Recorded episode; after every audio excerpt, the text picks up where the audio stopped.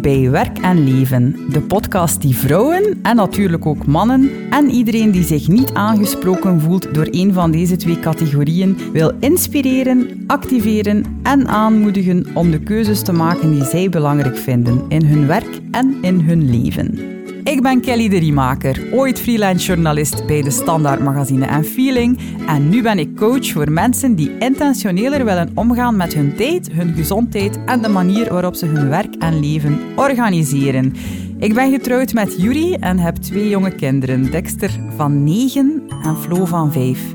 En ik verzoop lang in mijn eigen leven en ik weet hoe het voelt om verslagen op het dek getrokken te worden. Maar ik weet ook hoe krachtig het voelt om naar een open zee te kijken met een roer in je handen en let's go te denken. En daar ga ik je vandaag van alles over vertellen. Als ik dat uh, jou hoor zeggen, Kelly, dan voel ik de zandkorreltjes al kriebelen tussen mijn tenen. En mijn tenen, dat zijn die van Anouk Meijer. Ik ben een voormalige advocate die haar toga aan de haak hing om serieel ondernemer te worden. Ik ben getrouwd met Olivier, mama van Anaïs en Achille en ook een beetje dogmama van Border Collie Billy. En ik ben feministische marketing- en business coach bij Ampersand.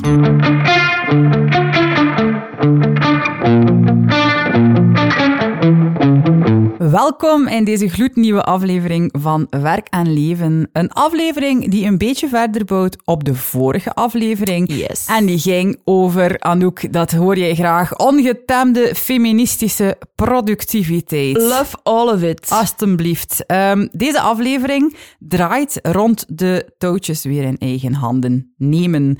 We gaan het hebben over hoe dat je kunt stoppen met verzuipen en hoe je weer kapitein kunt worden uh, over het schip dat jouw leven is.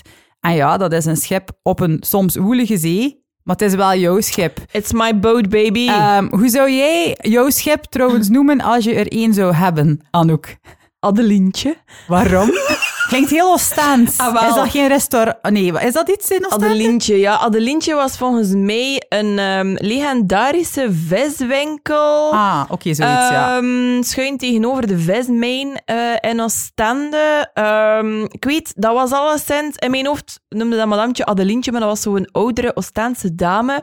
En dat was zo een, een onogelijk klein uh, winkeltje. En ik weet dat de quote-unquote echte Oostendenaars uh, daar onder uh, vis en er tonkjes gingen gaan halen. Ach, tonkjes, Omdat dan heerlijk. Adelientje de beste tonkjes had. Dus als een eerbetoon aan Adelientje, um, Adelientje die in mijn hoofd Adelientje noemt, het zal zoiets zijn. Of het kan ook Amandientje zijn of zo, maar we houden het op Adelientje. Uh, zou ik mijn schip wel zo noemen, ja. Prachtig. Ja, okay. en jij, Kelly? En wel, ik moest heel erg terugdenken, ik weet niet of je dat verhaal kent, van um, er bestaat zo een Brits Centrum voor Oceanografie. Je gaat mij verbazen. Denk nee, je ken het niet. Ja, nee. dus die hebben ooit een wedstrijd uitgeroepen een tijdje geleden, omdat die een paar uh, onderzeeërs hadden die een naam moesten krijgen. Ja, en ze hebben goed de idee fout... om daar een wedstrijd voor te Ze hebben dus de fout gemaakt om daar een publieke wedstrijd van te maken met mensen die konden stemmen. Ja, Britten. Britten. Ja. Mm -hmm. En wat is daaruit gekomen? Het grote publiek, het grote Britse publiek, heeft gekozen, nee. terecht vind ik dan weer,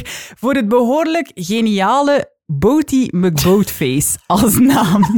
dus die onderzeeër... Als Zo het, classy. Ja, als het van die, van die wedstrijden en het resultaat echt afgehangen had, dan was dat gebeurd. Dat jammer. Een beetje, ja, jammer dat ze hebben dat niet gedaan. Nee, nee. Het mij een beetje gedacht aan Thomas de Train en zo. Ja, Boaty ja. McBoatface. Ja, okay. ja, nu, ze hebben dan uiteindelijk gekozen voor de Sir David Attenborough. Oké. Okay. Jammer. Iets classier. Ja, maar ik vind Boaty McBoatface nog altijd mega tof. Dus ik, als ik ooit een boot zou hebben, wil ik ook zoiets. Ja. Um, en wat, wat voor soort boot, boot, zou het zijn, Kelly? Heb je het zijn gedachten specifiek? Ik weet niet. Mijn zoon zou zeggen, neem een jacht. Want die zegt altijd dat ik een Lamborghini moet kopen. Maar ik denk dat ik het iets bescheidener uh, zou ah, ja. houden. Maar ik weet het een niet optimistje. goed. En jij? Um, ik weet het niet. Uh, de enige boot waar ik ooit met manieren mee gevaren heb, uh, is een catamaran. Oh, Ja, deed ik vroeger uh, al eens met uh, vader Meijer, die um, ja, ook als Oostendenaar uiteraard alle mogelijke watersporten ter wereld beoefend heeft. En wij deden dan van die wedstrijdjes. En dat liep meestal niet zo goed af, want mijn vader was een even grote, of is een strever. Like ik, en die kon er dan niet tegen als we niet wonnen. En al. Oh my Allee, god. dus met andere woorden, ik hoor het al. In deze aflevering ga je je volledig kunnen laten gaan. Maar echt vind, ik bedoel, als geboren als stage, ehm, ik, ik, ik het hele haast zitten. Ik heb al de soundtrack van Lucie Loes van Gizimin Zijkapitein gereed staan. Ahoy, eh, scheepsmaatjes, we zijn gewoon weg. Wat pees je, Kelly? Zeker weten.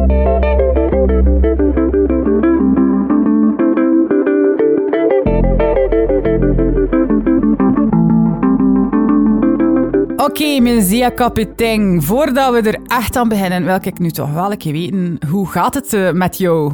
En ligt dat aan mij of hoor je nu ook zo in jouw hoofd op de achtergrond zo... Ah ja. Is dan dat Jury dat hieronder gemonteerd heeft in de Eh, toekomst? En dat weten we nog niet, maar eh, ik, ik ben al... Ik voel me al een beetje zo... ehm, aan de kaaien. Eh, ik, ik ruik al een beetje en Like het zo. begin van Zeil je voor het eerst van Bart Kuil, dat begint volledig, ook zo. Volledig. Ja, Ja, oké, we zijn helemaal in de stemming. Vind dat echt hogere sferen, jongens. Ehm, nee, hoe gaat het? Maar ik weet niet. Maar echt, eigenlijk, ik weet niet hoe goed. Ehm, Waarom? Ah, wel, omdat we na maanden van... Bij een moment toch wel hard labeur, ik weet dat we dat wel mogen zeggen, Kelly. Ehm, bijna, bijna klaar zijn om het doek te lichten.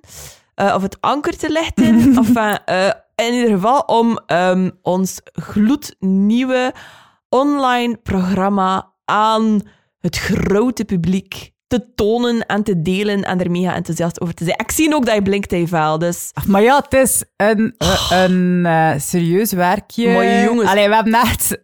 Ons, allee, we hebben ons, in het West-Vlaams noemen ze dat onze leen eraan gelegd. Ik weet niet of dat dan algemene ah, eraan, termen... Winder zeggen daar tegen, je leen erachter leggen. Ah, oké. Bijzonder. Wie zijn mail? Komt er hier binnen? Was ik dat? Ehm, Er kwam een mailtje binnen. Niet goed, ik sta niet op niets. Nee, maar eh, anyway, eh, lang verhaal kort. Het is inderdaad... ehm, het voelt een beetje als binnenkort moeten bevallen bij mij. Ik weet niet of dat, dat van jou ook zo voelt. Ja, alhoewel dat ik hier toch net iets meer naar uitkijk dan het feit dat ze mijn buik gaan openleggen en dergelijke. Ehm, ik hoop ook dat er geen gekots aan te pas komt of zo. Denk het niet. Eh, steunkousen Nee, nee. of al die dingen. Nee, of het wordt feestelijker. tepelkloven. Nee, nee, nee. nee. Allee. Het wordt leuk, het Ehm. wordt feestelijk. eh, het wordt iets waar dat wij heel erg naar uitkijken. En we weten uit onze mails, jullie ook. Eh, It's a party. ja, echt. Hè. Dus heel binnenkort eh, kunnen we daar veel meer over vertellen. Maar nu kunnen we al een klein beetje erover vertellen. Ja, wat dan? We hebben namelijk een sneak preview gemaakt voor jullie. Dus eh, letterlijk een stukje, een schelletje uit onze cursus gehaald. Een Ja. private podcast Ja. over je neespier trainen. Iets waar dat jullie, als we het goed gehoord hebben de voorbije eh, weken, ehm, precies wel deugd van eh, zouden hebben, van dat soort workout. Waar kunnen ze eh, die vinden, En Kelly? wel, als je surft naar werkenleven.org, werk en leven in één woord, en je gaat, je gaat daar naar het tabblad, ergens rechts van boven onze cursus, dan ga je eigenlijk rechtstreeks naar een gloednieuwe pagina, waar Oh, je al een klein beetje kunt een voorproefje zien en ruiken en krijgen. En als je daar je e-mailadres achterlaat, dan eh, ga je die eh, sneak preview, die private podcast, gewoon kunnen direct beluisteren. Het is de moeite. En dan kom je ook op onze eh, VIP-wachtlijst voor de cursus. En ehm, we kunnen daar nog niet zo heel veel over Nee. zeggen, maar als je daarop staat, dan zouden er wel een keer hele leuke dingen kunnen gebeuren. Ik kan dat bevestigen.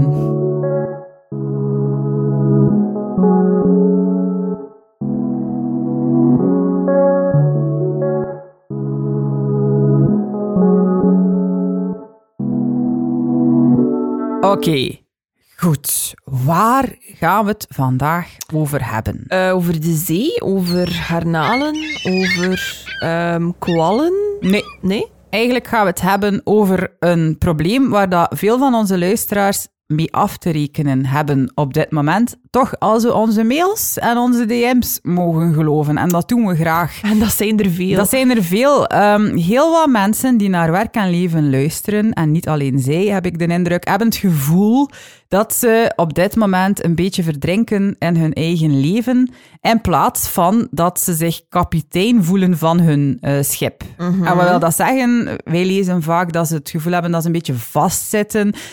Ook dat ze het gevoel hebben dat ze precies nog maar weinig controle uh, hebben uh, over, over dingen. Um, ze hebben ook weinig, of ze voelen weinig autonomie als het Ja. over beslissingen gaat. Zo ownership. Ze Ja, hebben het ja. gevoel dat er veel boven hun hoofd dikwijls Een ook storm en ze worden heen en weer geslingerd en het roer is een beetje zoek. zoek. Zoiets. Ja, en alsof dat, dat allemaal eigenlijk nog niet erg genoeg is, zijn ze dan ook nog een keer mega hard voor zichzelf. Oh. En waar zie ik dat dan bijvoorbeeld? Bij mensen die ik eh, coach, maar ook bij mijn vriendinnen. Ehm, jammer, maar helaas. En ik zie het ook nog soms bij mezelf. Al begin ik het gelukkig al maar beter te zien. En dat is volgens mij toch het begin van alle wijsheid en alle verandering. Ehm, heb jij datzelfde gevoel in jouw omgeving, Anouk, dat Absoluut. mensen aan het worstelen zijn? Absoluut. Ehm, het ding is, ik, ik, ik heb daar meer eh voelspiriten voor. of ik, ik, ja, ik heb daar een betere radar voor. Radar, voilà. Ook eh, voor dan, dan eh, vroeger, denk ik. Ehm, waarom? Ehm, ik denk dat dat te maken heeft met het feit dat ik ondernemer geworden ben. Dat ik daardoor ook veel meer gegroeid ben aan, ja, als, als mens en als... als Ondernemen Eh, werkt dan natuurlijk ja, wel een beetje dan enorm in de hand, Ja. vind ik. Ehm, tenminste, als je ervoor open staat. Ehm, en het feit dat ik zelf ook wel heel wat watertjes doorzwommen heb op dat vlak, dan denk ik dat je het gemakkelijker herkent ook bij ehm, andere Ja, mensen. dat denk ik ook Eh, wel. maar in ondernemersland eh, is, dat de, is dat schering en inslag. Ehm, nu, we hadden het er de vorige aflevering al over. We zijn vaak een beetje het, het slachtoffer van geïnternaliseerde eh, dogma's en moedjes van hoe dat wij zouden moeten zijn, hoe dat de dingen zouden moeten gaan. Ehm, en als dat dan niet zo is, omdat we nu eenmaal eh, mensen zijn van vlees en bloed en allemaal toch net iets anders in elkaar zitten, dan zijn we inderdaad, zoals jij al zei, Kelly, eh, vaak heel erg kwaad op onszelf of heel erg hard op onszelf. We zoeken de oorzaak van alle onheil bij onszelf. En wat is dan het gevolg? Ja, eh, schaamte, schuldgevoel, jezelf eh, zo klein mogelijk houden, niemand wil dan beteren met je miserie. En dat is natuurlijk heel erg jammer, Ehm, want wij zijn de Canaries en de koolmijn die aanvoelen aan ons theewater dat er toch wel iets moet veranderen. Ehm, ja, aan die denkbeelden in Mhm. eerste instantie, aan die kaders ehm, die ons vanuit eh, dat patriarchaat, die hustle culture enzovoort worden aangereikt. Klopt, en we hebben heel erg gevoeld na onze vorige aflevering. Allee, we hebben daar zot veel reacties op It gekregen. was a crazy one. Ja, en we snappen dat ook, want eh, dat is zo dat gevoel van... Je beseft soms bijna niet dat je op dat vlak in je hoofd in een kooitje zit, totdat er iemand zegt, kijk hier, dat is, dat is hier een kooi en dat is hier een deur en, en de deur kan open. En dan ineens begin je te zien en dan begin je het ook overal te zien. En we Ja. hadden echt de indruk dat dat gebeurd is na onze vorige aflevering. Collectieve ontkooiing. Ja, dus het zien is eh, een heel belangrijk eh, punt natuurlijk. Ja. Als je het niet ziet, kun je het niet veranderen. Maar vandaag willen we jou eigenlijk nog een beetje meer vooruit helpen eh, om weer wat touwtjes en roeren en wat kunnen we nog allemaal in ging zeggen handen een reddingsboei, maar het is eigenlijk vooral jij die Ja. zelf die reddingsboei kan aanleveren. Dus laat ons een keer kijken hoe dat we dat gaan aanpakken. Heel graag. We gaan anders beginnen, maar we gaan vandaag een paar adviezen Ja. eh, meegeven die volgens ons wel een keer helpend zouden Anders kunnen moeten zijn. we met het eerste beginnen, nee, Kelly? Mega goed idee. Echt. Ik ben blij dat jij de kapitein van dit schip bent Ah. vandaag, Anouk. Advies nummer één is... Word een betere bondgenoot van jezelf. Oké, wat willen we daarmee zeggen volgens jou, Kelly? Een Ah, wel. betere bondgenoot, had ik. Klinkt heavy misschien ja, een beetje. maar ja, tof ook wel. Ja, en wel, eigenlijk wil ik exact dat zeggen. Dat tof moest zijn. Nee, dat, een, dat je, ja, dat tof mag zijn. Oké. Ehm, wat willen we daarmee zeggen? We hebben allemaal, allee, heel veel van ons, ik ga niet veralgemenen, maar ik hoor dat toch in mijn omgeving, geleerd dat we beter een beetje hard voor onszelf kunnen zijn. Ehm, en ik heb het gevoel dat dat ook vaak in de hand wordt gewerkt door de systemen waarin we allemaal opereren en leven. Dat wordt zo gratuit gezegd soms ook. Hè? Zo van, ja, ook ten opzichte van kinderen bijvoorbeeld. Ja, zijn dat deugd van. Ja. Ja, ja. Um, Moeten niet uh, veel eiers onderleggen. Ja, zo al, ah. dan denk ik van, ja, van waar komt dat eigenlijk? Ja, wat ik in elk geval zie, nog steeds, uh, tot ja, ik ben niet altijd blij daarmee, is dat fouten worden al van jongs af uh, doorstreept met rood. En als iets niet lukt, dan moet je nog wat meer op je tanden bijten. En te veel zwakte wordt inderdaad liefst niet, niet getolereerd. Want ja. Uh, de, wereld, nee, de wereld is hard en jij moet dan ook maar hard uh, zijn. Ja. Uh, het zinnetje niet klagen, niet zagen, doordoen en verdragen leeft nog altijd. Zeker bij ons in de streek, maar dat zal overal wel een beetje zo zijn. Ja, dat denk ik. En wat, wat wordt er nog? Zo inderdaad gratuit meegegeven van advies. Als er een keer iemand aangeeft van zich wat minder te voelen, ja, draai dan je knopje om. Er is altijd iemand die het nog lastiger heeft dan jij. Um, en al die zinnetjes worden zo, zo vaak, zelfs ongevraagd, meegegeven in situaties. Ook op sociale media. Iemand toont zijn kwetsbaarheid, iemand anders vindt dat een, dat een aandachtshoer is. Ik moet denken aan het proces oh. Bart de Pauw.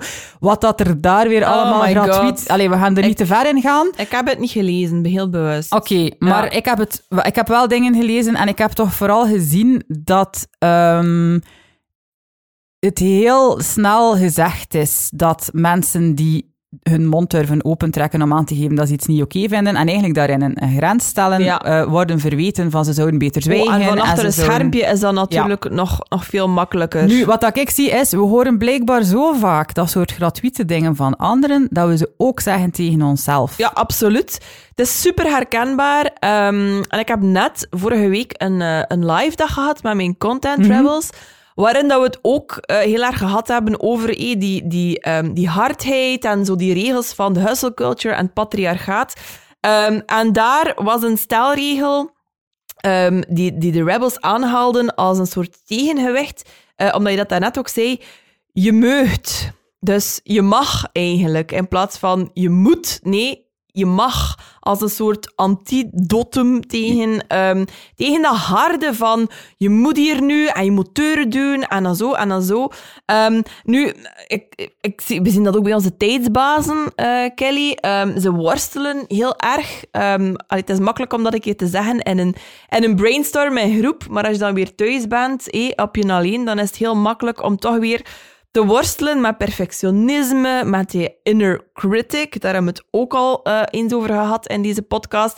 En dikwijls denken mensen dat een, een, een hardheid en een innerlijke criticus hen helpt. Mhm. Maar het omgekeerde is waar. En niemand is geholpen bij onhaalbare verwachtingen leggen bij jezelf en dan heel de tijd in een kramp schieten omdat je denkt van oh, ik ga dat hier niet halen. Ja, ja, ehm, dat klopt. Dan ben je geen goede bondgenoot voor jezelf. Um, het is moeilijk om die plooi eruit te krijgen. Ik kan ervan meespreken. En zoals hij uh, zei over de rode biek, ik zie het ook bij onze kinderen. Um, als, als mijn kinderen thuiskomen met een toets waarbij dat ze 29 op 30 hebben, dan zijn er nog altijd uh, mensen die erin zouden slagen om te zeggen van, ah ja, en waarom heb je geen 30 op 30? Ik kom daar een klein beetje onpasselijk uh, van. Zeeziekte is er niks tegen. Mm -hmm. um, net omdat ik nu zie hoeveel schade dat dat eigenlijk op lange termijn aanbrengt aan ons allemaal, om daar zo um, op gefixeerd te zijn. Wat bereik je daarmee? Dat bereik je mee dat we als we later uh, niet helemaal perfect zijn, dat we dan ja, keihard in een kramp schieten. Dat we eigenlijk ook amper aan iets durven beginnen. En dat is een van de dingen dat ik heel vaak zie bij coaches en cursisten. Eh.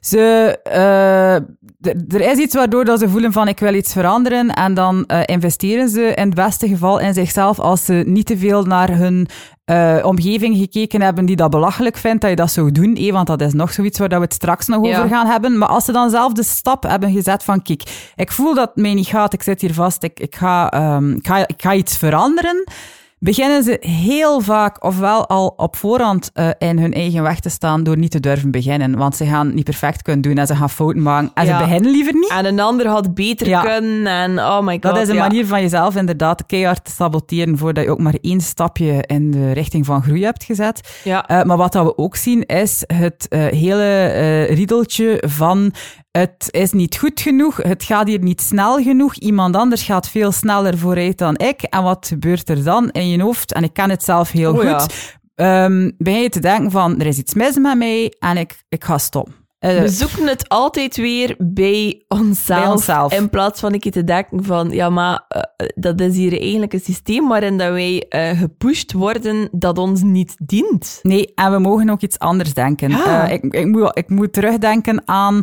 die sociale werker uit dat programma met Christel van K3 over mensen in armoede. en die, ja. die had dat zinnetje van gras groeit niet door eraan te trekken. Ik, ik vind dat ook, ik denk daar vaak aan terug. daar wa- kippenvel van. ja, want laat ons eerlijk zijn. We, hebben, we zijn allemaal mensen met een menselijk brein. Groei is niet altijd gemakkelijk, is zelden gemakkelijk trouwens. Verandering, dat vergt ook moed. En het vergt ook jezelf eh, permissie geven om met liefde en nieuwsgierigheid te kijken naar de momenten waarop dat moeilijk is, in plaats van inderdaad een soort pijl op jezelf te richten en te zeggen, maar vent, Maar ja, je tuurlijk. kunt het niet, zie je wel. Eh, we hebben daar niks aan. Maar nee, we hebben daar niks aan. En het is vechten tegen je eigen natuur, want wij zijn, onze hersenen zijn zo gemaakt Mhm. dat ze eigenlijk ons willen veilig houden. Voilà. En verandering is onveilig. Dus Ja. je moet een keer pezen. Je moet dan eigenlijk al ja, vechten tegen je eigen natuur, tussen aanhalingstekens. En, En in die- plaats van jezelf dan eigenlijk een keer een Ja, eh, medaille te geven. Nee, we gaan, dan zeggen we... Ja, kijk, je kunt het niet, het ligt aan jou, er is iets mis met dat jou. het niet- ja, ja, het is vrij Ja. Ja, Ja. zo herkenbaar, denk ik, voor veel mensen. Ja, klopt. Eh, dat het al een keer wat minder gaat, is nogthans totaal geen signaal van onkunde of niet goed genoeg zijn. Het is gewoon Ehm, een signaal dat je een menselijk brein hebt, zoals wij allemaal. Ah, het is dat. Ehm, het is net op zo'n moment, denk ik, dat je er heel erg bij gebaat bent. Dat je, eh, zoals een goede mama of papa, jezelf een keer bij de hand neemt. En een beetje, eh, zoals dat je tegen een kind zou zeggen, wat ruimte zou geven. ehm, van, weet je wat, ah, wel, vandaag zit het misschien wat Ja. tegen. En wel, morgen is een andere dag. Is een betere dag. Laat ons zien wat dat het geeft, zonder direct in die zelfkritiek eh, te vervallen, zonder de drillsergeant, maar met een beetje meer eh, tederheid en liefde. Ehm, hoe meer ruimte dat je geeft aan jezelf, ook aan eh, ja, ehm, eh, het feit van ik voel me hier aan betand, ik voel me hier ongemakkelijk, al die emoties daar rond. En hoe, hoe minder judgmental, maar hoe nieuwsgieriger, nieuwsgieriger Ja, dat je ja. ernaar kunt kijken, ehm, hoe sneller dat je het ook kunt verwerken. Dat, het gaat ons misschien nu te ver brengen, maar dat doet mij een beetje denken aan die dinges van de tunnel van de emoties. Ja, Je moet er eigenlijk... Veel mensen denken van, als ik mijn emoties wegduw als een bal onder het water, dan ben ik er vanaf. Ja. Maar eigenlijk moet je ze processen, moet je er doorgaan. Moet je ze vooral heel erg voelen. En dat is niet tof, want ja, dat, dat wil soms zeggen dat je dan ligt te janken, eh lekker een klein kind in je bed of in je auto, as you do, eh, Anouk Meijer. Ehm, en dat is niet geest, dat is niet tof, maar achteraf kan je wel weer Kan er verder. wat mee. Kan er wat meer. Terwijl als je die bal probeert onder water te houden, je komt toch vroeg of laat in je wezen teruggebotst. En Absoluut. dat doet pijn. Veel meer dan een keer goed janken. ja, ik geloof dat de pijn altijd in de weerstand zit en niet in Ja. de emotie aan zich, maar het je verzetten tegen het feit dat jij menselijke emoties Ik hebt. kan niet, ik mag niet, ik moet alles Ik hier moet samenhouden. zo toxic positivity, dat is zo van, ah ja, nee. eh, eh, Omdenken. affirmeer je er zelf maar een keer uit. Dat is allemaal goed en wel, maar als je niet eerst die emoties in de ogen kijkt, dan heb je daar toch geen hol aan. Nee, nee, nee, nee, dat klopt. En het zit vaak ook in verhalen, want mensen zijn verhalenvertellers. En het zou tof zijn mochten we onszelf verhalen vertellen die ons dienen. Maar we vertellen onszelf dikwijls echt van die verhalen van ja, ik zou positiever moeten zijn en iemand anders heeft het moeilijker dan ik. En dat zou hier allemaal zo lang niet mogen duren. En ik zou dat veel sneller moeten leren. Ook al ben ik al 40 jaar iets helemaal anders aan het doen, dan verwachten we zo van in drie dagen moet ik dat hier perfect kunnen. En ik wil dat het even vlot gaat als bij al de ander. Ehm, en dan komt het aan op deze vraag stellen tot in het oneindige volgens mij. Wie zegt dat? Ja. Zes. Zes hoe. Jij blijkbaar, want allee, dat is iets dat in jouw hoofd aan het gebeuren is. Ja. En dan is de volgende vraag, oké, jij vindt dat, of jij denkt dat, en je hebt dat misschien van iemand anders gehoord, of je hebt dat misschien ingelepeld gekregen, of van, of, of van in een gewoon leven in onze maatschappij is dat verhaal dat jij meegekregen hebt. Ja, ja. En de volgende vraag is, helpt dat jou, die gedachte van, dat mag hier niet, dat kan hier niet? Brooke Castillo zou zeggen, is this the thought you're choosing? Ja, maar dikwijls zijn niet eens het, het ding dat je niet eens door hebt Ah, dat het nee. een gedachte is. Je denkt, Of dat het een keuze is wat nee, hij denkt. maar het is dus wel een keuze. En als je weet dat het een keuze is, kun je je ook afvragen, zou je ook iets anders kunnen zeggen? Of zou jij tegen een vriend in dezelfde situatie even beenhard zijn als tegen jezelf? Wat zo nog een beetje welzin, zeker. Ah, jij zou soms moeten doen, denk ik, tegen mij, like of je tegen jezelf babbelt. Ik zou het niet meer weten, meer, echt Ik denk waar dat niet. we al lang eh elk aan onze kant van Ipper eh, zouden blijven. Jij stuurboord en ik bakboord. Zoiets, Weg ja.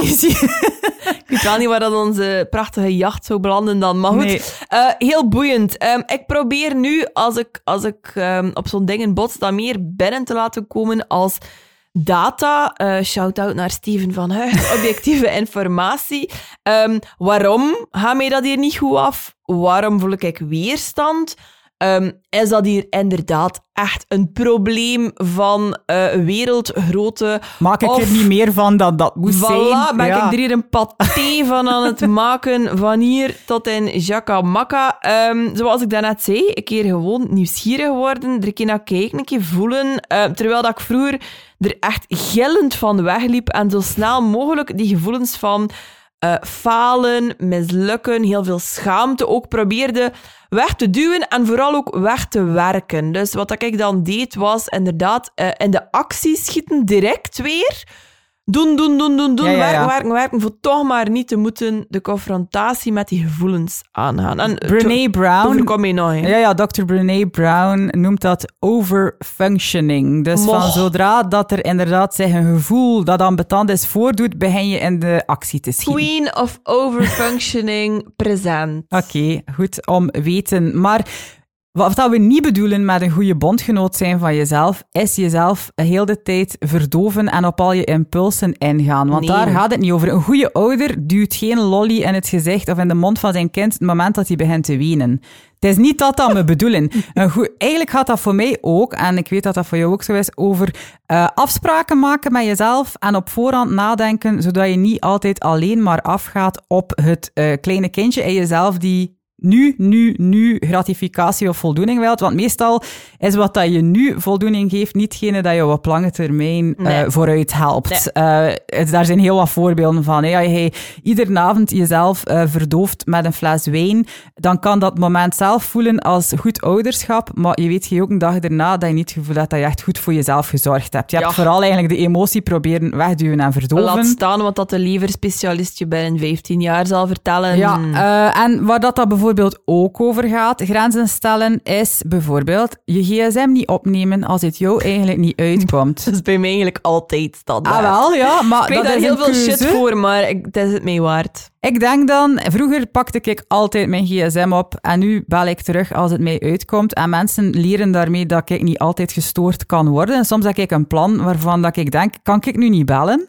Ehm, dat gaat ook over je mails alleen bekijken als je bijvoorbeeld achter je laptop zit en er tijd voor hebt, in plaats van je constant, constant te laten triggeren op je telefoon als je aan de kassa van de supermarkt staat, van ik ga hier nu een keer mijn mails lezen en dan voelen dat je all over the place zit. Dat dat eigenlijk echt geen goed idee was. Waarom? Ehm, ja, ah, wel, dat is ook een beetje het people-pleasende, denk ik. En ik heb mezelf dat echt moeten leren, nee. Dat een goede bondgenoot, een goede vriendin zijn van mezelf ook gaat over als ik geen tijd heb, dan laat ik anderen eventjes wachten. En als het mij niet uitkomt, dan kies ik een beter moment voor mij. En dat verbetert mijn levenskwaliteit enorm. Preach to the choir.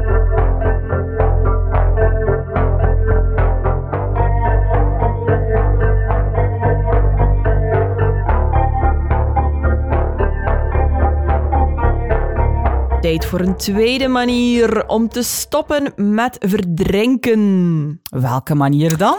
Stel de juiste vragen. En ik denk, Kellytje, jij als voormalig freelance journalist, je moet daar toch last van kennen.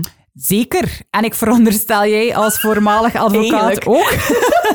maar inderdaad, eh, ik kan daar veel van, van goede vragen stellen. eh, maar ik besef nog niet zo lang dat dat nu, na mijn journalistieke carrière, minstens even belangrijk eh, is. En dat dat voor heel veel kracht eh, zorgt. Het is zot. Het is zot, hè? Het is echt. Life-changing. Ja. Verandert alles. Ehm dikwijls doen we gewoon dingen omdat we ze altijd al zo hebben gedaan. Yes. Dat we niet in vraag stellen. Zoals met de... Daar komen ze weer, de toetjes van de worst. We gaan de anekdote niet elke aflevering Nee, vertellen, maar luister honger. zeker naar de vorige om te weten wat we daarmee bedoelen met de toetjes van de worst. Ehm, maar wat, wat, waar gaat dat over? Eh, ja, dat we dikwijls nog altijd werken en leven volgens regels die door het patriarchaat zijn bedacht in tijden die helemaal anders waren dan nu. Bijvoorbeeld, Ja. dat zat in de vorige aflevering. Hallo, we kregen Ja. heel veel dingen zo dikwijls dat we denken dat het waarheden zijn.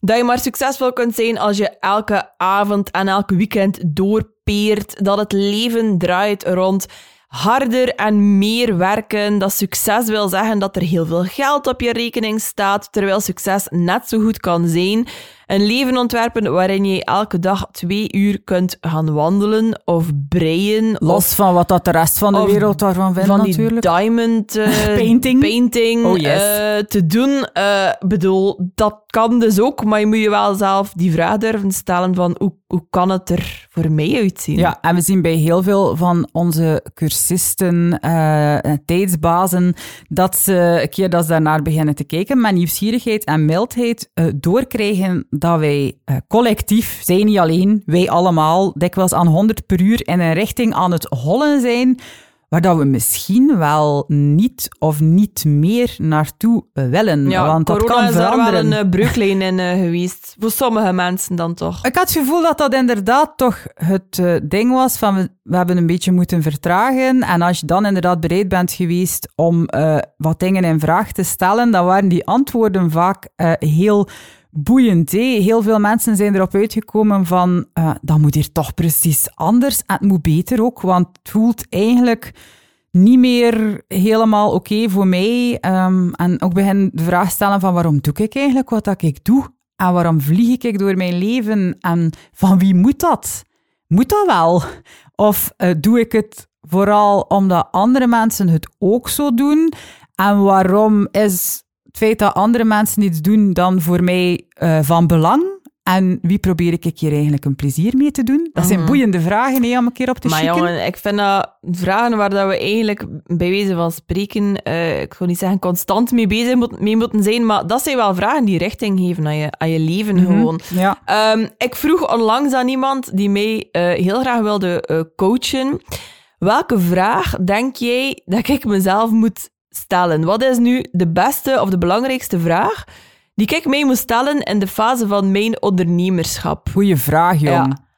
En wat zei ze? Of Ja, hij? Ehm, Maakt niet heeft een paar dingen Ja. aangereikt die, die voor mij aangaven van ja, ga nee, dit, dit is nog niet, ehm, dit is niet de coach voor mij, denk ik. Ehm, Kom ik, hé, dat eh, de vragen die eigenlijk... Ik dacht vroeger dat een goede coach antwoorden gaf. Een goede coach stelt Nee, goede vragen, nee, nee, natuurlijk. het is dat, een goede coach, eh, hoe zeggen ze dat? Coachen, definitie van coachen is het aanzetten tot nadenken, nee, of het stimuleren van het gedachteproces of het nadenkproces bij de coachie.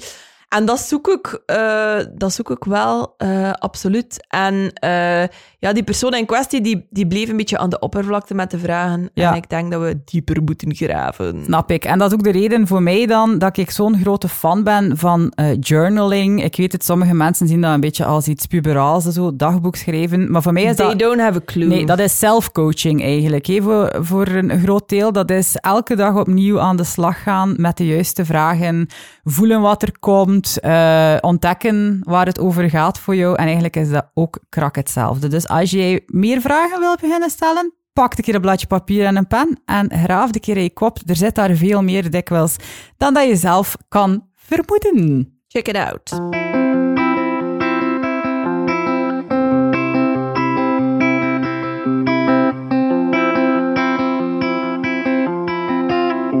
Na 1 en 2 komt nummer 3. Wat is nummer drie? Stop met bufferen, bufferen en begin te voelen. bufferen, zeg ik. Niet buffelen of nog iets anders. Maar wat de hel, wat in de hel bedoelen we daarmee, Kelly? Bufferen is een term die we keihard gepikt hebben van Brooke Castillo van de Life Coach School. Daar is ze, love you, Brookie. Ehm, zij noemt, allee, bufferen wel volgens haar, ik ga het zo zeggen, zeggen dat je je gevoelens wegduwt met iets. En dat kan eigenlijk van alles zijn. Je kan bufferen met eten, je kan bufferen met drinken, met porno kijken of winkelen of werken. Ehm, liever dan oncomfortabele gevoelens uh, te ervaren en door te maken, duwen we ze weg. Uh, bijvoorbeeld na weer een week waarin alles ons uit handen leek te glippen, willen we dan liefst face first in de witte wijn of in de Instagrams of in wat dan ook Dat uh, er vrij aan denken dat als ik uh, een advocaat was, dat was dat zo een ding.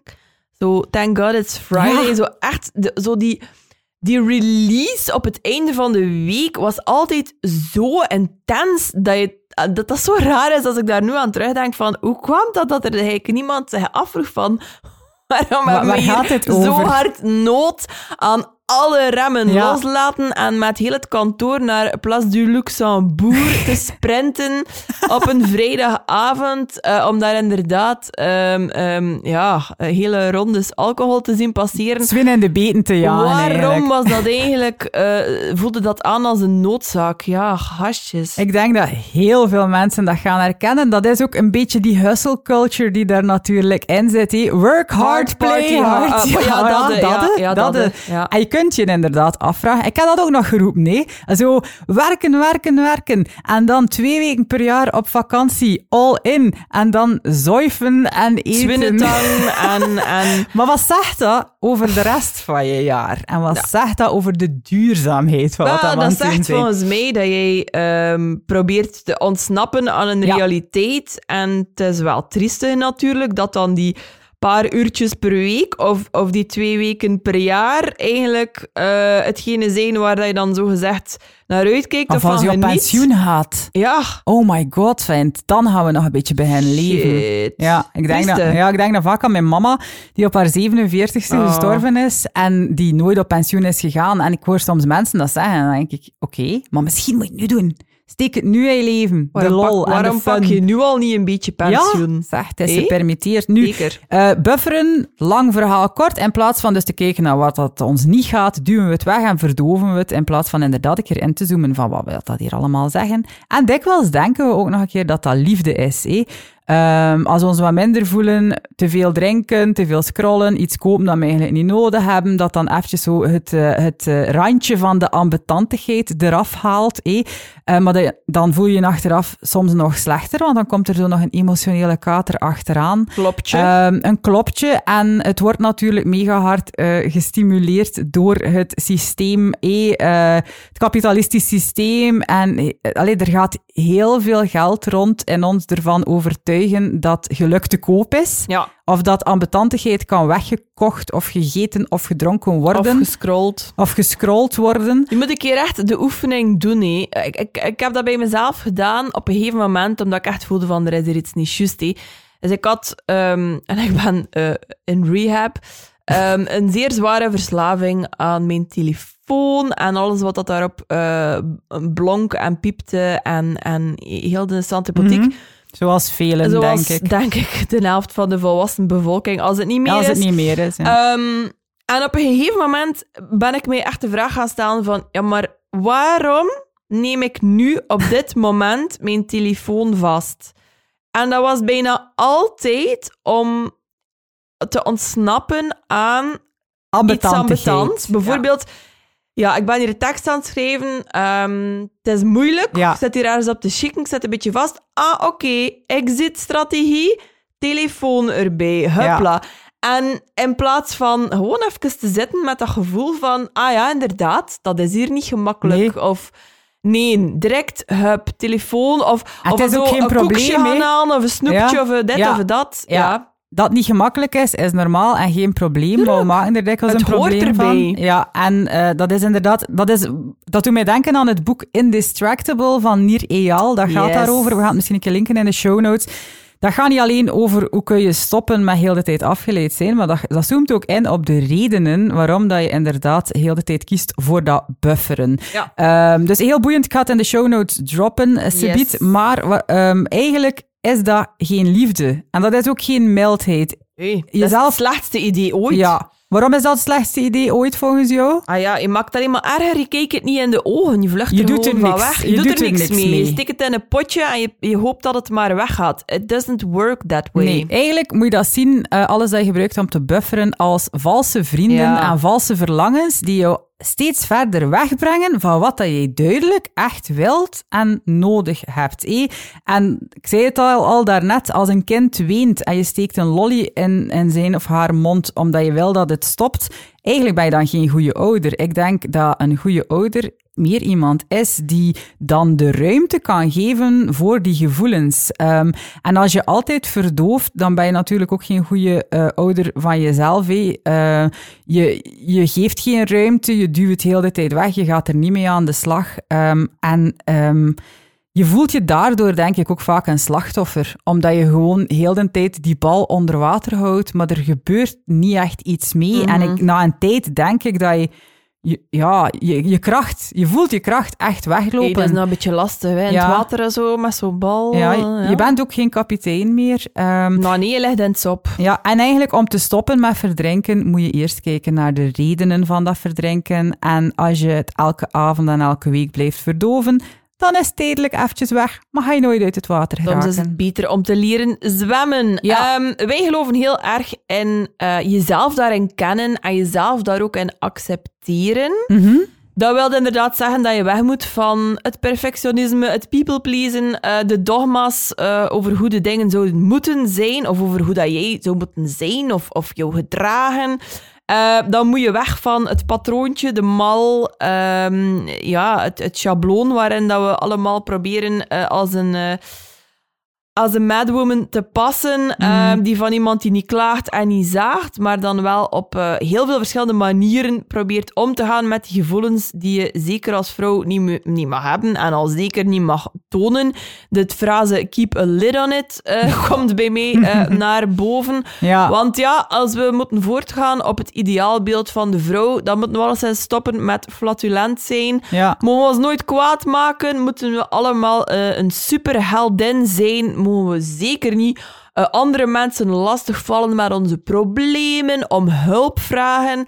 Ehm, en als we als vrouw hulp nodig hebben, ja, dan, dan worden we ook nog een keer geshamed over het feit dat we naar een therapeut gaan of eh, hulp inroepen van een psycholoog of een coach. Oh, de vrouwtjes gaan een beetje aan zelfontwikkeling Ja, doen. Ha, Zeker. ha. Eh, laat ze dan maar verzuipen in hun leven. En het is, godverdomme, meer sociaal acceptabel. Ja, dat was ik die even met een vuist op de tafel klopte. Echt waar. Ehm, het is toch al te gek dat het in onze maatschappij meer sociaal acceptabel is om de vrijdagavond met z'n allen op de, eh, op de tafels te gaan dansen, eh, in het café en ons lam eh, te zuipen, of, of ons leven weg te scrollen op de Instagrams, dan dat het gewoon is om simpelweg toe te geven van ik heb het hier, ik kan het hier even niet alleen bolwerken, kan er mij nodig. alsjeblieft iemand even een handje toesteken. Triestig.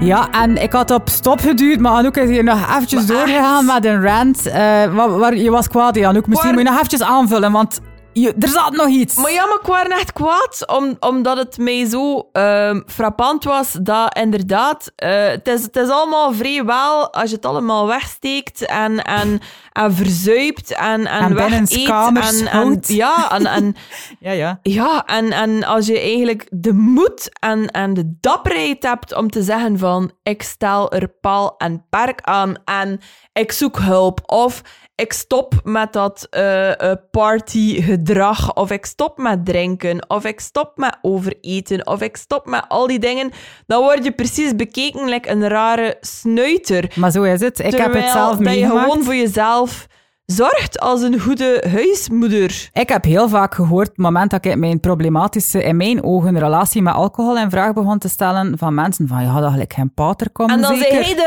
rare. Dat Ik- is toch de wereld op zijn kop, hè, Kelly? Ik heb dat heel erg moeten verdedigen. Ik heb ook heel erg gevoeld dat andere mensen zich bedreigd voelden door mijn keuze om het inderdaad te gaan bekijken. En Terwijl misschien... dat jij niks zegt tegen iemand anders. Van Nee. jij, dat is ook een keuze over jouw leven, hè? Met sociale Mag het? media is het net hetzelfde. Als jij zegt van ik voel dat, er, dat die relatie eh, met het voortschrijdend inzicht dat we allemaal aan het krijgen zijn rond focus en rond hoe dat we ons voelen, voel dat ik die relatie toch minstens in vraag wil stellen, dan voel ik ook heel erg dat mensen hun stekels opzetten. Van, hé, Ehm, ja, mag er niks meer, ta? je, je, je weet dat ik eh, professioneel bezig ben eh, met all things marketing en zo. En ik, ik ben bezig met het thema marketing zonder sociale Ja, media. boeiend. Je wil niet weten, je wil niet weten hoeveel vijandige berichtjes ik al gekregen heb, al dan niet eh, achter de schermen, van eh, collega-coaches die zich daardoor zeer erg aangevallen en geviseerd voelen.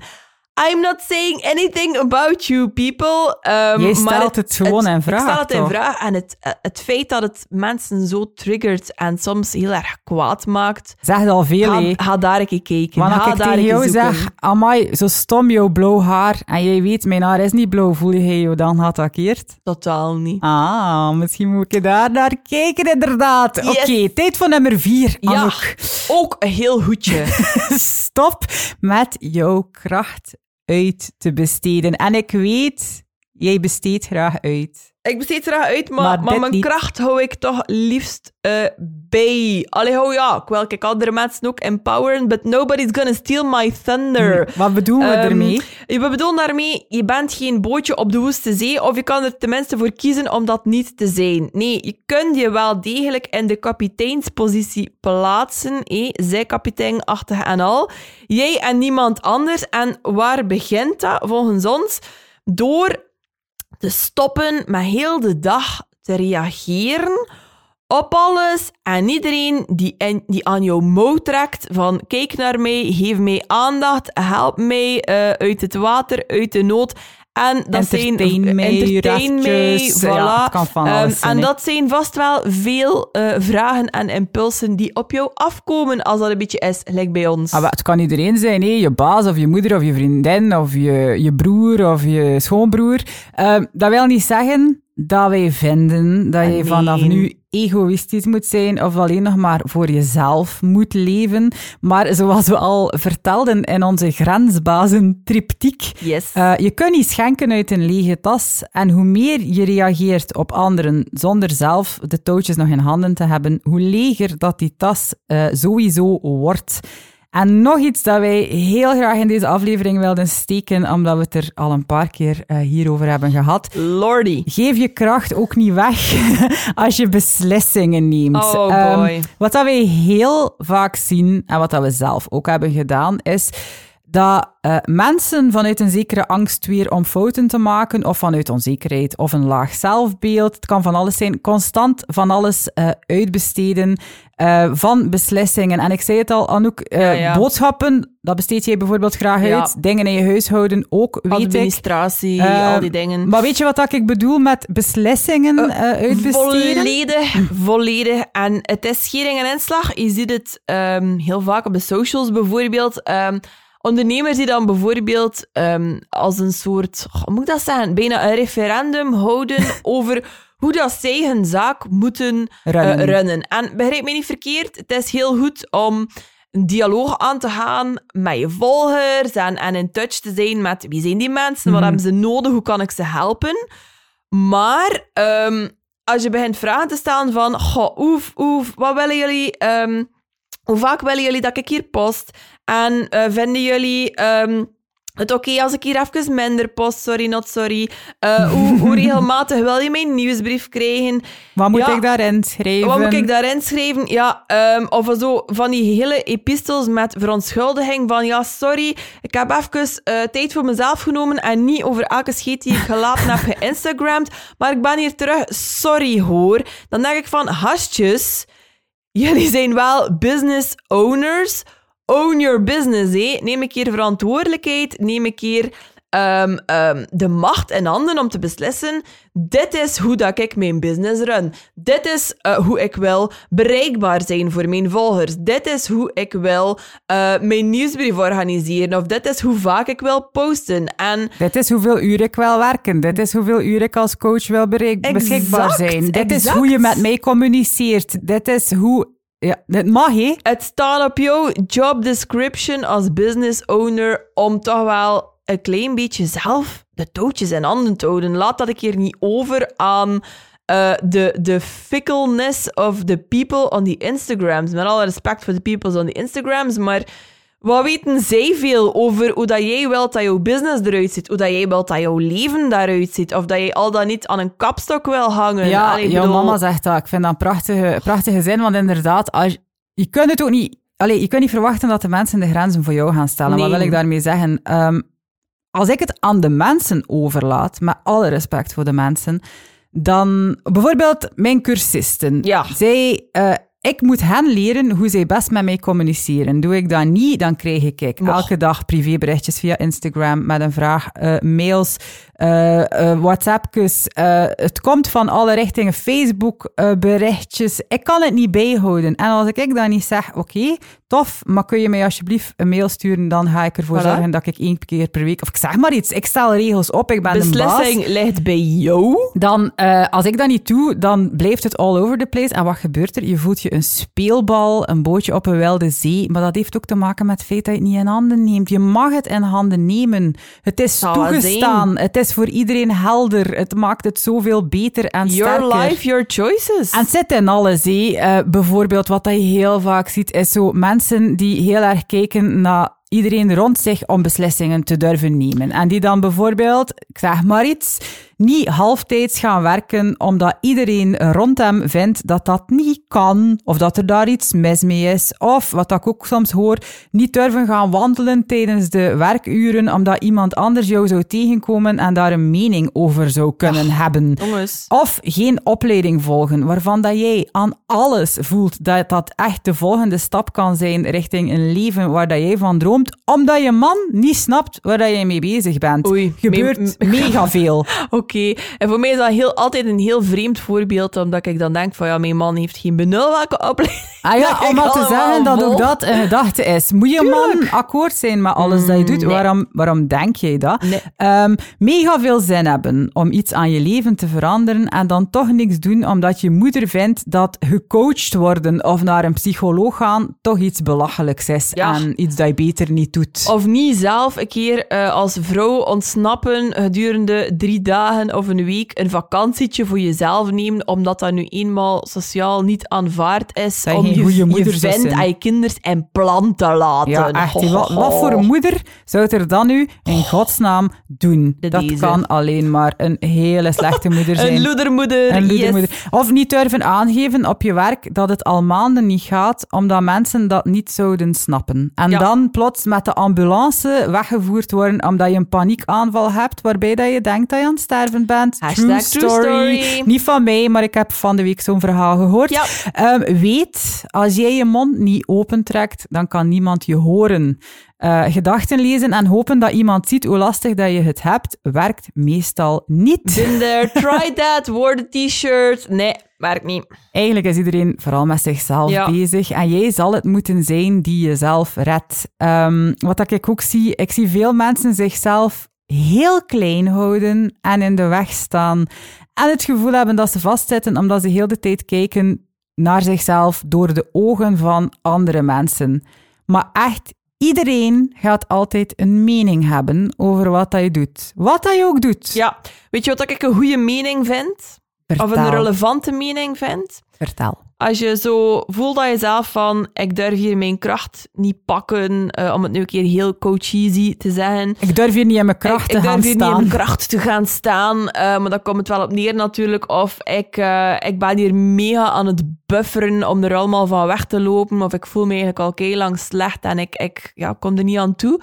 Om de beslissing te nemen waarvan dat ik eigenlijk weet dat die mij heel erg zou helpen. Mhm. Denk dan een keer aan de mening van je 80-jarige future self. Oeh. Ehm, hoe gaat die hierop terugkijken. Als jij jouw hele leven lang altijd alles gefixt en gedaan hebt voor een ander niet gedurfd hebt om uh, je eigen grenzen te stellen, niet gedurfd hebt om in je kracht te gaan staan en dingen te claimen um, die voor jou werken en waar dat jij zin in hebt. Mhm. Wat zou zij daarvan zeggen? Ik vind dat altijd um, een hele goede, uh, hele goede referentie eigenlijk. Zie je dan Um, jezelf zo als 80-jarig besje in de zetel? eh, Ja, kwijt. Toffe madame. Beetje like Adelientje. Beetje like Adelientje, lange grijze vlecht. Ah, ja. Eh, ja, ja, ja. Toffe madame. Ja. Machtig. Ik Ja. ben zeer benieuwd om haar te ontmoeten eh, Ik ook. ooit. Ik ook. Ehm, maar de boodschap is, gastjes, stop met bufferen. Begin met voelen. Durf zelf op te komen voor jezelf, beslissingen te nemen over jouw leven. Durf daarin een rebel zijn. Durf voert en fuck that shit te denken. En sorry for the explicit language, iTunes. Je hebt van niemand toestemming nodig, behalve van jezelf. De kooi staat open. Je hebt er maar uit te stappen. Jij bent degene die dat kan. Wees niet bang, zou de nachtwacht zeggen.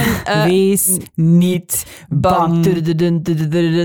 Ja, oké, we gaan eh, daar het bij laten. Maar probeer, maak fouten, trek nog een keer aan je roer, stuur bij, pas je koers aan, eh, kijk naar de horizon en probeer nog een keer. Er is trouwens geen grotere timesuck tijdsbazen in je leven dan besluiteloosheid.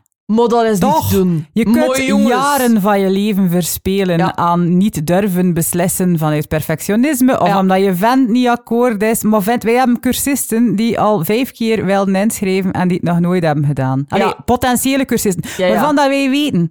Maar Och. jongetje toch, als jij de stap zou zetten in plaats van naar je vent te kijken die denkt dat cursussen online volgen, dat dat belachelijk... Maar ja, sorry, maar het is toch zo. Ik moet lachen omdat ik eh, net naar een, ehm, naar een eh, interviewtje geluisterd eh, heb Ah, van met een tijdsbaas. tijdsbaas.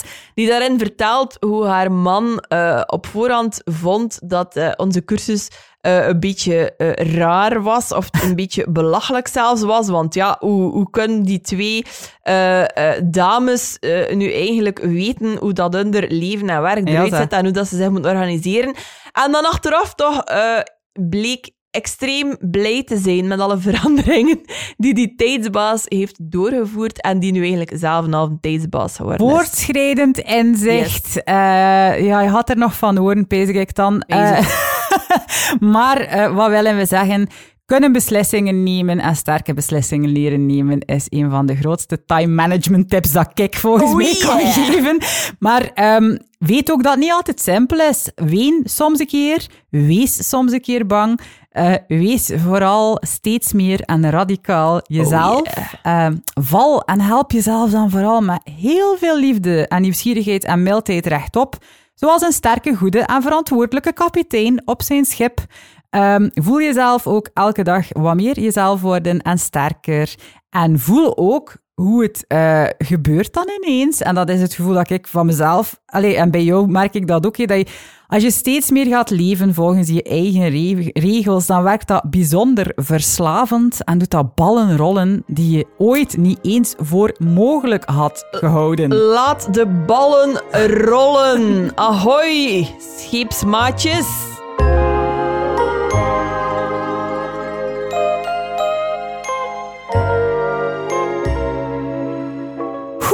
Scheepsbaatjes. Sorry, dit was waarschijnlijk heel luid, maar toch, het was gemeend. Eh, we zijn aan het einde van eh, deze vaart eh, gekomen. Ehm, we hopen dat je het, net zoals wij, een boeiende aflevering vond om naar te luisteren. En er is plenty more where that came from. Absolutely, veel meer. Ehm, want we zeiden het daar net al eventjes, Kelly.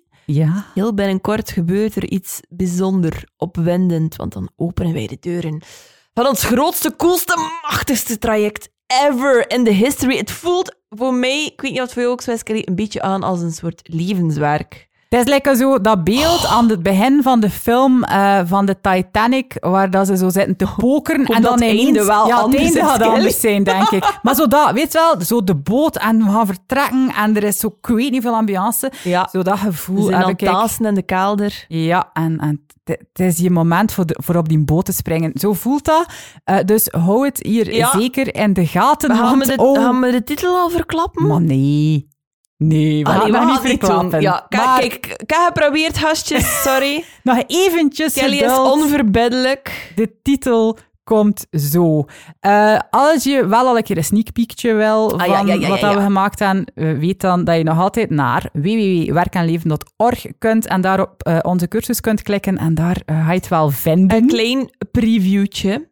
De reacties erop zijn al eh laaiend enthousiast geweest. eh, een Eh, mail gezien. Mensen die hadden zoiets van, please, wanneer komt er meer? En het Give antwoord is zeer, zeer binnenkort. Ja, dankjewel om weer zo talrijk te luisteren. Dankjewel ook aan iedereen die zo talrijk reclame maakt onder collega's bij de psycholoog. Wat heb ik van de week al gelezen? Ik heb het aangeraden aan mijn psycholoog, aan eh, mijn coach, aan mensen waarmee dat ik samenwerk, waarmee dat ik kookles iemand, volg. iemand die, eh die kine doet of osteopaat is of zo, die ook aan al haar klanten dat ze behandelde eh, onze podcast mee heeft als maat, Superleuk. Shout out to you. Yes. Ja, dus ja, merci dat je erbij was. Eh, tot snel en eh, blijf naar ons luisteren. Blijf Blijf, naar ons aanraden. luisteren. Eh, als je meer van ons wil, kan je ook altijd inschrijven voor onze nieuwsbrief. Eveneens via onze site werkenleven.org slash nieuwsbrief. Laat ook eens een reviewtje na op de iTunes of op Checkpot, de app waar dat je ook ehm, ons goede punten kunt geven if you would be so inclined. Maar alleen als je het zelf tof vindt natuurlijk. Salutjes, hasjes. Tot de Yo, volgende keer. Tada. Hey, ze zeilen.